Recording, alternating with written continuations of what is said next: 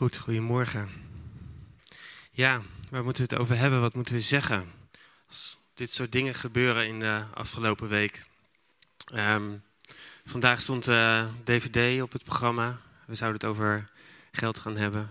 Maar dat vond ik iets te banaal voor vandaag. Dus, ehm, ja, dus ik, ik wil jullie eigenlijk meenemen in een aantal gedachten, een aantal worstelingen, een aantal emoties die wij de afgelopen weken en maanden hebben meegemaakt rondom ehm, het verhaal van Iris. En uh, ik sprak een aantal van jullie in, in, de pauze net ook en voor de dienst. En dan merk ik eigenlijk ook dat, uh, dat jullie daar ook mee worstelen. En, en van boosheid tot, tot onmacht, van teleurstelling, verdriet, gemis. Um, hoe kan het nou allemaal? Um, ik heb daar ook niet alle antwoorden op en die ga ik vanochtend ook niet geven, dus wees gerust. Um, en wellicht dat dat ook nog te vroeg is en wellicht dat we die antwoorden ook nooit helemaal vinden. Um, maar ons rationele brein wil graag verklaringen en uh, logische um, begrijpen wat er aan de hand is. Maar het was wel een rollercoaster van emoties die ook wel wat verwarringen met zich mee hebben gebracht. Maar eh, aan de ene kant was er hoop en op een gegeven moment vervlogen hoop. Maar ik geloof ook dat er nieuwe hoop is. En geloof, ongeloof misschien, op een bepaald punt, maar ook weer nieuw geloof. En worstelingen met allerlei gedachten van wat is nou waar, wat is, wat is nou niet waar? Hoe, hoe moet ik hier nou kijken, hoe moet ik dat begrijpen?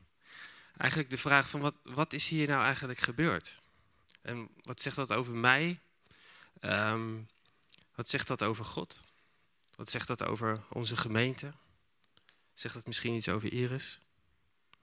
Dus ik wil jullie meenemen in heel veel vragen eigenlijk en wellicht een paar antwoorden. Maar wat geloven wij nu eigenlijk? En wat zien we daarvan in de praktijk? En vanuit welke mindset denken we daarover na? Kijk, je kan, je kan hier naar kijken op, vanuit een rationele mindset. En zie dan kom je misschien uit op het punt van, uh, ja, er is geen genezing geweest en dan is er misschien onvoldoende geloof. Maar weet je, dan beschuldig ik mezelf of jullie vanuit een zwart-wit denken.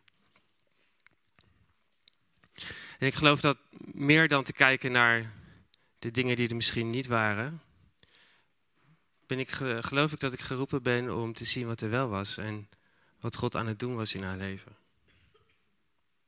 We zouden er ook naar kunnen kijken vanuit een schuld- en schaamte-mindset.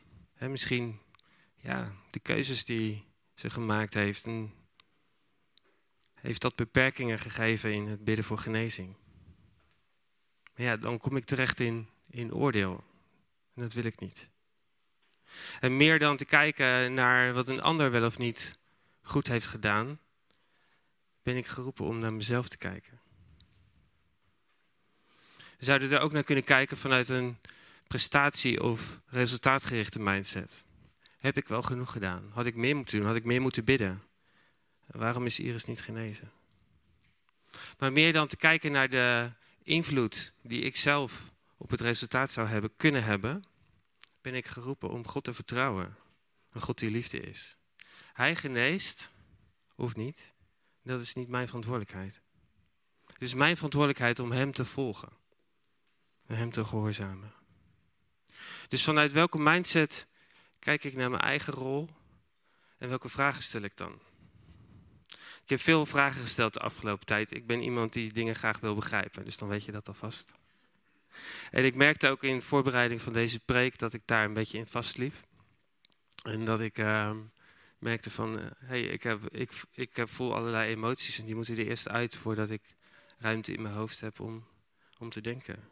Ik voel gemis, ik voel teleurstelling, ik voel verdriet. En het is, uh, het is wat het is.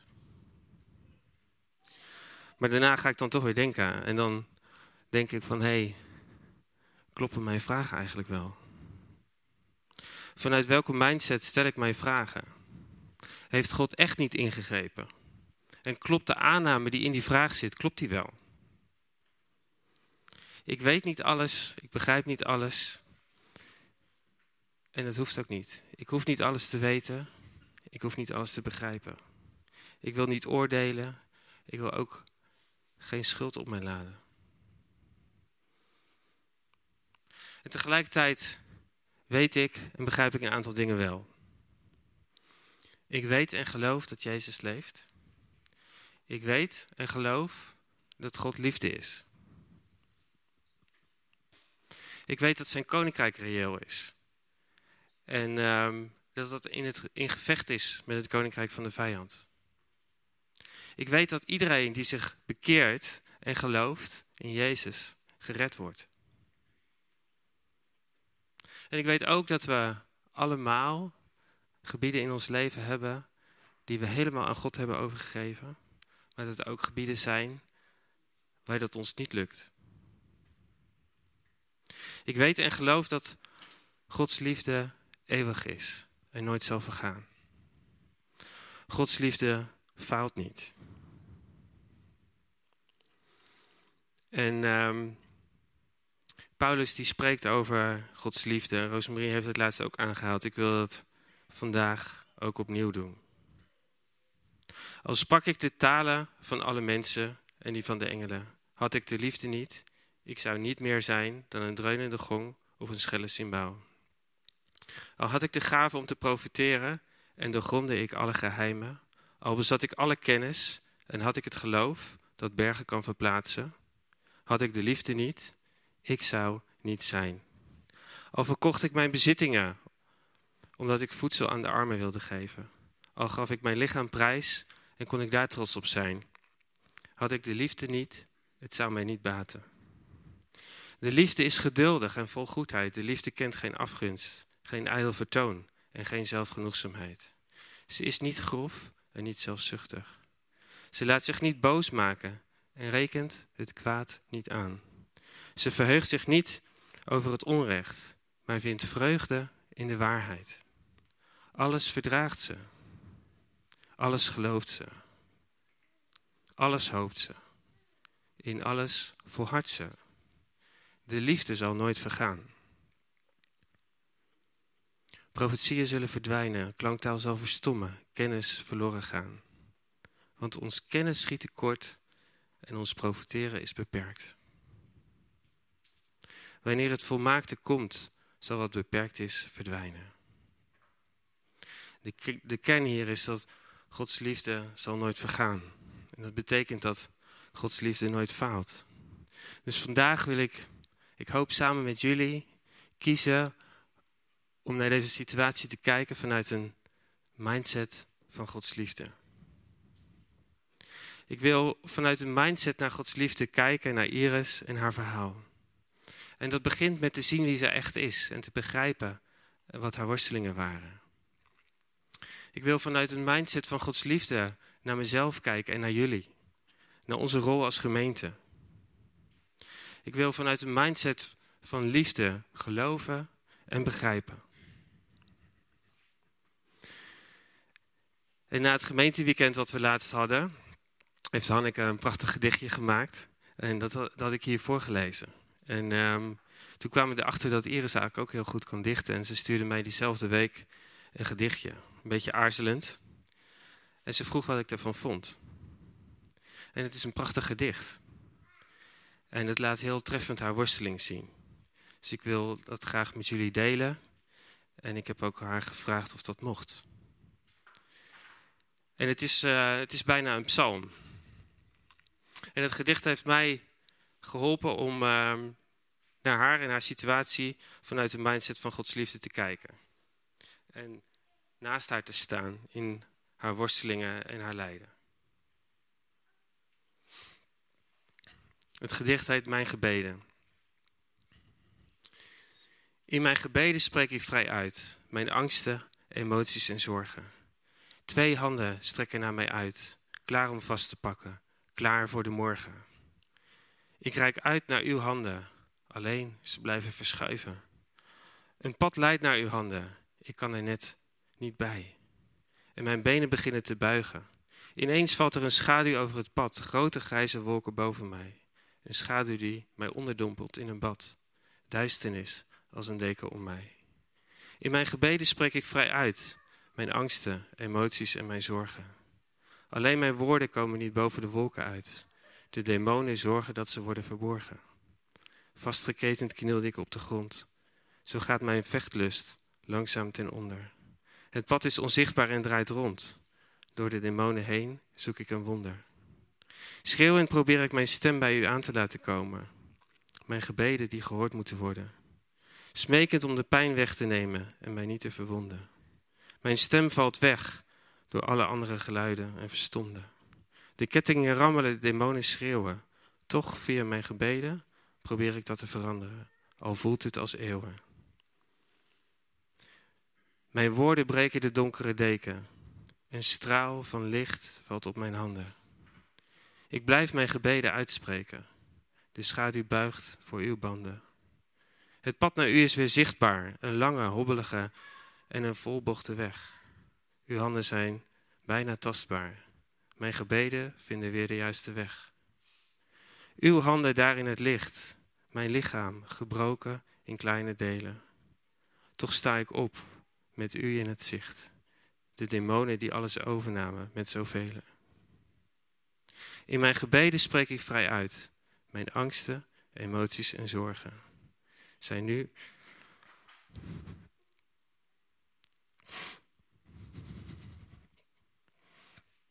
in uw handen veilig opgeborgen. En dat raakt me.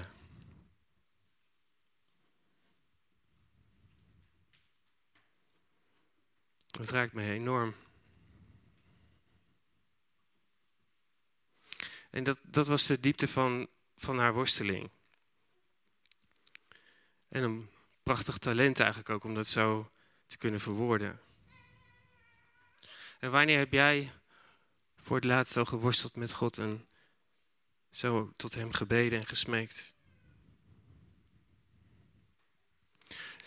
Dus als we vanuit een mindset van liefde naar haar en haar verhaal willen kijken, dan is het belangrijk om te begrijpen wat haar worsteling was. Dus voordat we wat vinden van de keuzes die iemand maakt, als we dat al zouden moeten vinden, begrijpen we echt wat iemand beweegt om zover te komen. Nogmaals, dit gedicht heeft mij enorm geholpen om naar haar en haar situatie te kijken vanuit een mindset van liefde. En vanuit een mindset van liefde en geduld komen er ook andere vragen naar boven. Hele andere vragen. Is het misschien een wonder van Gods liefde als iemand met een zeer zware vorm van anorexia vorige week deelneemt aan het avondmaal en brood eet en druivensap drinkt? Gods liefde faalt nooit. Of is het een wonder dat haar psychiater die aangeeft niks met geloof te hebben, in de laatste afspraak voor haar overlijden niets anders weet te doen dan met haar te bidden? En dat terwijl tegen alle protocollen in om religie buiten de spreekkamer te houden. Gods liefde faalt nooit. Of is het een wonder dat een wonder van Gods kracht dat de stemmen die Iris hoorde stil waren als ze bij ons in de dienst was en ze daarboven zat? Gods liefde faalt nooit.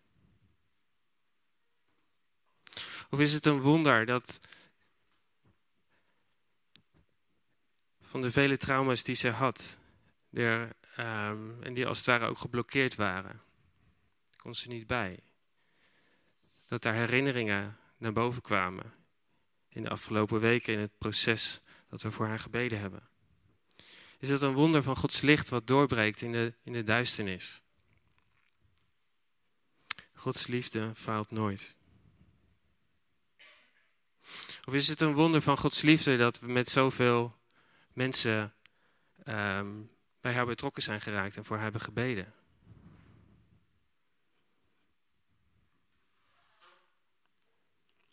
We hebben geduldig naast haar gestaan. We hebben echt van haar gehouden. Zonder oordeel. Gods liefde faalt nooit. En is het een wonder van Gods liefde dat zij steeds toestond dat we voor haar mochten bidden? En dat kan je vertellen, dat gebed had een richting. Dat gebed had een richting, uh, richting leven en richting licht. We mochten bidden voor genezing.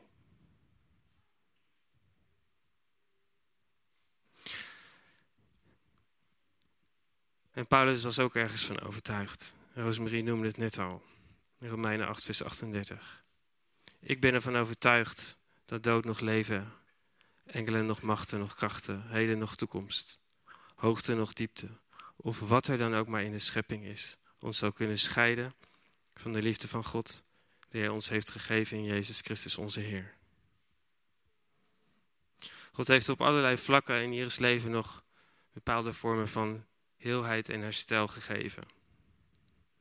Het is Gods hart voor ons allemaal om onze eer te herstellen. En ehm, de behandelaren om haar heen, die hebben om haar heen gestaan. Wij hebben dat gedaan. En zelfs de politiek heeft zich om haar situatie bekommerd. Maar dat voert even te ver voor nu. Maar dat is, daarin zie je dat er eerherstel geweest is. En God heeft met zijn licht in haar duisternis willen schijnen. In het heden, maar ook in delen van haar verleden. En tegelijkertijd hebben we een, een vrije wil gekregen om het ene geschenk van God aan te nemen en het andere te laten liggen. En God is liefde, weet je nog? God forceert niet. De liefde was geduldig. Gods liefde overdondert je niet. Gods liefde is niet manipulatief, maar geeft ruimte. Maar wat wij kiezen, dat doet er wel toe. Hoe zetten wij onze vrije wil in en hoe, hoe maken wij keuzes? Welke keuzes zijn in lijn met Gods koninkrijk en welke zijn op zijn minst discutabel? Jezus respecteert onze vrije wil. Ik moet denken aan de, aan de rijke jongeling die die bij hem komt. En uh, Jezus reageert in liefde op zijn vraag hoe hij deel kon krijgen aan het eeuwige leven. Hij verkoop alles wat je hebt en volg mij. En dat is een brug te ver. Deze man kiest, Jezus respecteert hem. Hij gaat. In de gelijkenis van de verloren zoon zien we hetzelfde. De, de vader laat de jongste zoon gaan. Hij houdt hem niet tegen. Hij geeft zelfs de helft van de erfenis mee. De vader respecteert zijn keuze. En God zegende Salomo dubbel en dwars met rijkdom, omdat hij gekozen had voor wijsheid. Dus wat wij kiezen, dat doet ertoe. Een keuze voor Jezus, een keuze voor overgave, een keuze voor gehoorzaamheid, bepaalt je bestemming in de eeuwigheid. Als wij kiezen voor Jezus, zullen we voor altijd bij Hem zijn. En dagelijkse keuzes van overgave en gehoorzaamheid bepalen je bestemming in dit leven. En tegelijkertijd kan je ook denken van ja, bestaat er wel iets als een vrije wil? Of kan onze wil ook gebonden zijn? De vrijheid van onze wil kan door trauma's of psychische aandoeningen beperkt zijn. Genezing en bevrijding is dan nodig om echt vrij te komen. Maar wat geloven we? Geloven gaat niet over het weten hoe het precies zit. Of de juiste regels toepassen of hanteren. De vraag is veel meer, willen wij uh, liefdevol aanwezig zijn in het leven van de ander? Zonder te moraliseren, zonder oordeel. Maar gewoon vanuit compassie voor de ander.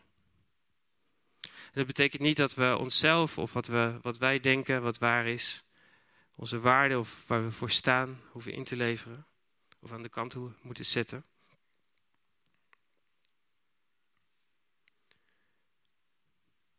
Maar het betekent ook niet dat we de keuzes van de ander hoeven goed te praten.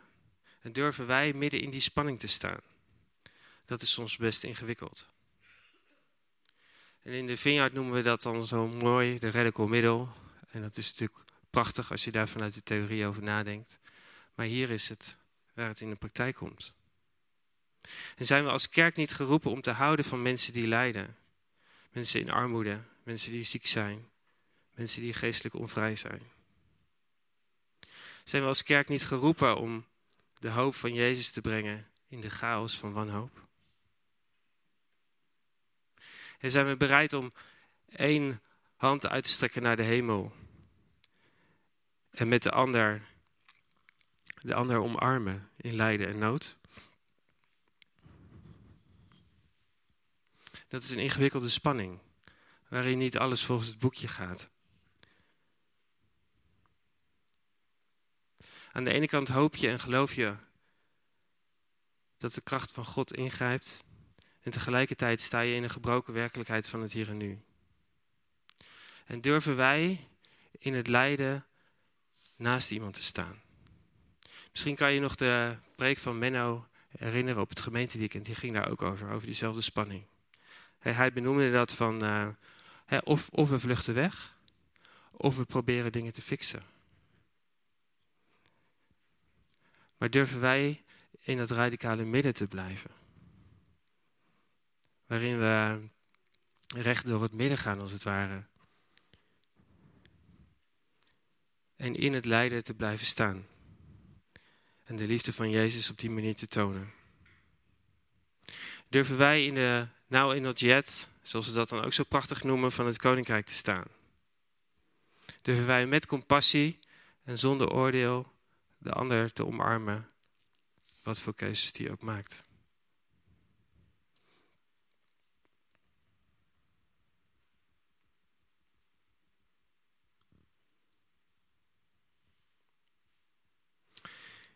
Ik denk dat, uh, dat God ons roept om zijn liefde te delen met anderen. Op een manier die misschien ook wel iets kost van onszelf. Het kostte Jezus alles. Maar mogen wij de, de hoop van Jezus brengen in het leven van anderen. We hebben als gemeente voor Iris gebeden voor genezing, bevrijding. We hebben naast haar gestaan in Leiden. Met heel veel mensen uit onze gemeente hebben we echt van haar gehouden. En ik denk dat we haar oprecht um, voelbaar en tastbaar de liefde van Jezus hebben laten zien en haar een weg van hoop hebben getoond. En ik merk bij mezelf dat door deze hele situatie heen het verlangen om de liefde van Jezus te delen eigenlijk eerder is toegenomen dan afgenomen. Dat is raar eigenlijk. Of misschien ook niet. Net alsof mijn hart, en ik zie het ook bij anderen, ons hart een stukje verder is opengegaan voor de liefde van Jezus. Net alsof er grenzen zijn verruimd. En ik ben eigenlijk steeds meer gaan geloven dat Gods liefde niet faalt. Meer dan ooit geloof ik dat God goed is. En dat zijn liefde de, het enige medicijn is. Tegen pijn, verdriet en lijden. Meer dan ooit geloof ik dat zijn aanwezigheid rust, vrede en bescherming brengt. En het gevoel van gemis, van verdriet, wat ik ook bij anderen zie, dat geeft eigenlijk ook aan dat we echt van Iris zijn gaan houden als gemeente. En Gods liefde faalt nooit. Ook al delen we die soms tegen beter weten in, ook al delen we die in tranen, Gods liefde faalt niet. En het delen van Gods liefde, dat kost echt wat op deze manier. Praat eens met Jeroen en Sarah. En misschien probeer jij ook wel in jouw omgeving mensen te helpen. Met, met het ontvangen van de liefde van Jezus. En merk je een soort uitputting of je hebt zoveel gegeven. En mag ik dan uh, de volgende woorden uit Efeze 6 over jou uitspreken? Mag de Vader vanuit zijn rijke luister jouw innerlijke wezen kracht en sterkte schenken door zijn geest. Zodat, zodat door jouw geloof Christus kan gewonen in je hart en je geworteld en gegrondvest blijft in de liefde. Dan zul jij met alle heiligen de lengte en de breedte, de hoogte en de diepte kunnen begrijpen. Ja, de liefde van Christus kennen die alle kennis te boven gaat. Opdat u zult volstromen met Gods volkomenheid. Gods liefde faalt nooit. En in alle, alle vragen ehm, heb ik een aantal antwoorden gevonden. En één antwoord in Psalm 63, vers 3, vers 3 vond ik heel bijzonder. Daar staat, uw liefde is meer dan leven. En daar ben ik eens wat over na gaan denken. Het woord liefde wat daar staat, dat heeft een bredere betekenis. En het betekent eigenlijk, uw liefdevolle vriendelijkheid is meer dan het leven.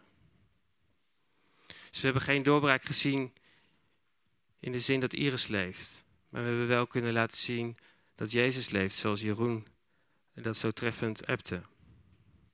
We hebben de liefdevolle vriendelijkheid van God kunnen laten zien. En misschien betekent dat in de eeuwigheid wel meer dan een wonder van genezing. En welke doorbraken we wel gezien hebben of niet gezien hebben in het leven van Iris, daar kunnen we natuurlijk ook geen model van maken, stappenplan of theologie op baseren. Dus we mogen haar situatie ook weer loslaten en de lessen meenemen. En we hoeven niet alles te begrijpen, we hoeven niet alles te weten. En tegelijkertijd wil ik me blijven uitstrekken dat naar, naar Gods koninkrijk wat doorbreekt. Met redding, bevrijding en genezing. Ieder wonderlijk verhaal in de evangelie ziet er anders uit. En Jezus lijkt steeds te kiezen voor een telemeet aanpak. En meer dan ooit geloof ik dat Gods liefde redt, bevrijdt en geneest. Gods liefde faalt nooit. En mogen wij als gemeente steeds meer leren om uh, ja, met één hand uit te strekken naar de hemel. En met de andere hand liefdevol naast onze naasten te staan en die omarmen. Mogen we Gods liefdevolle vriendelijkheid aan de wereld geven. Jezus is de hoop van deze wereld. Jezus is onze hoop. En Gods liefde faalt nooit. Amen.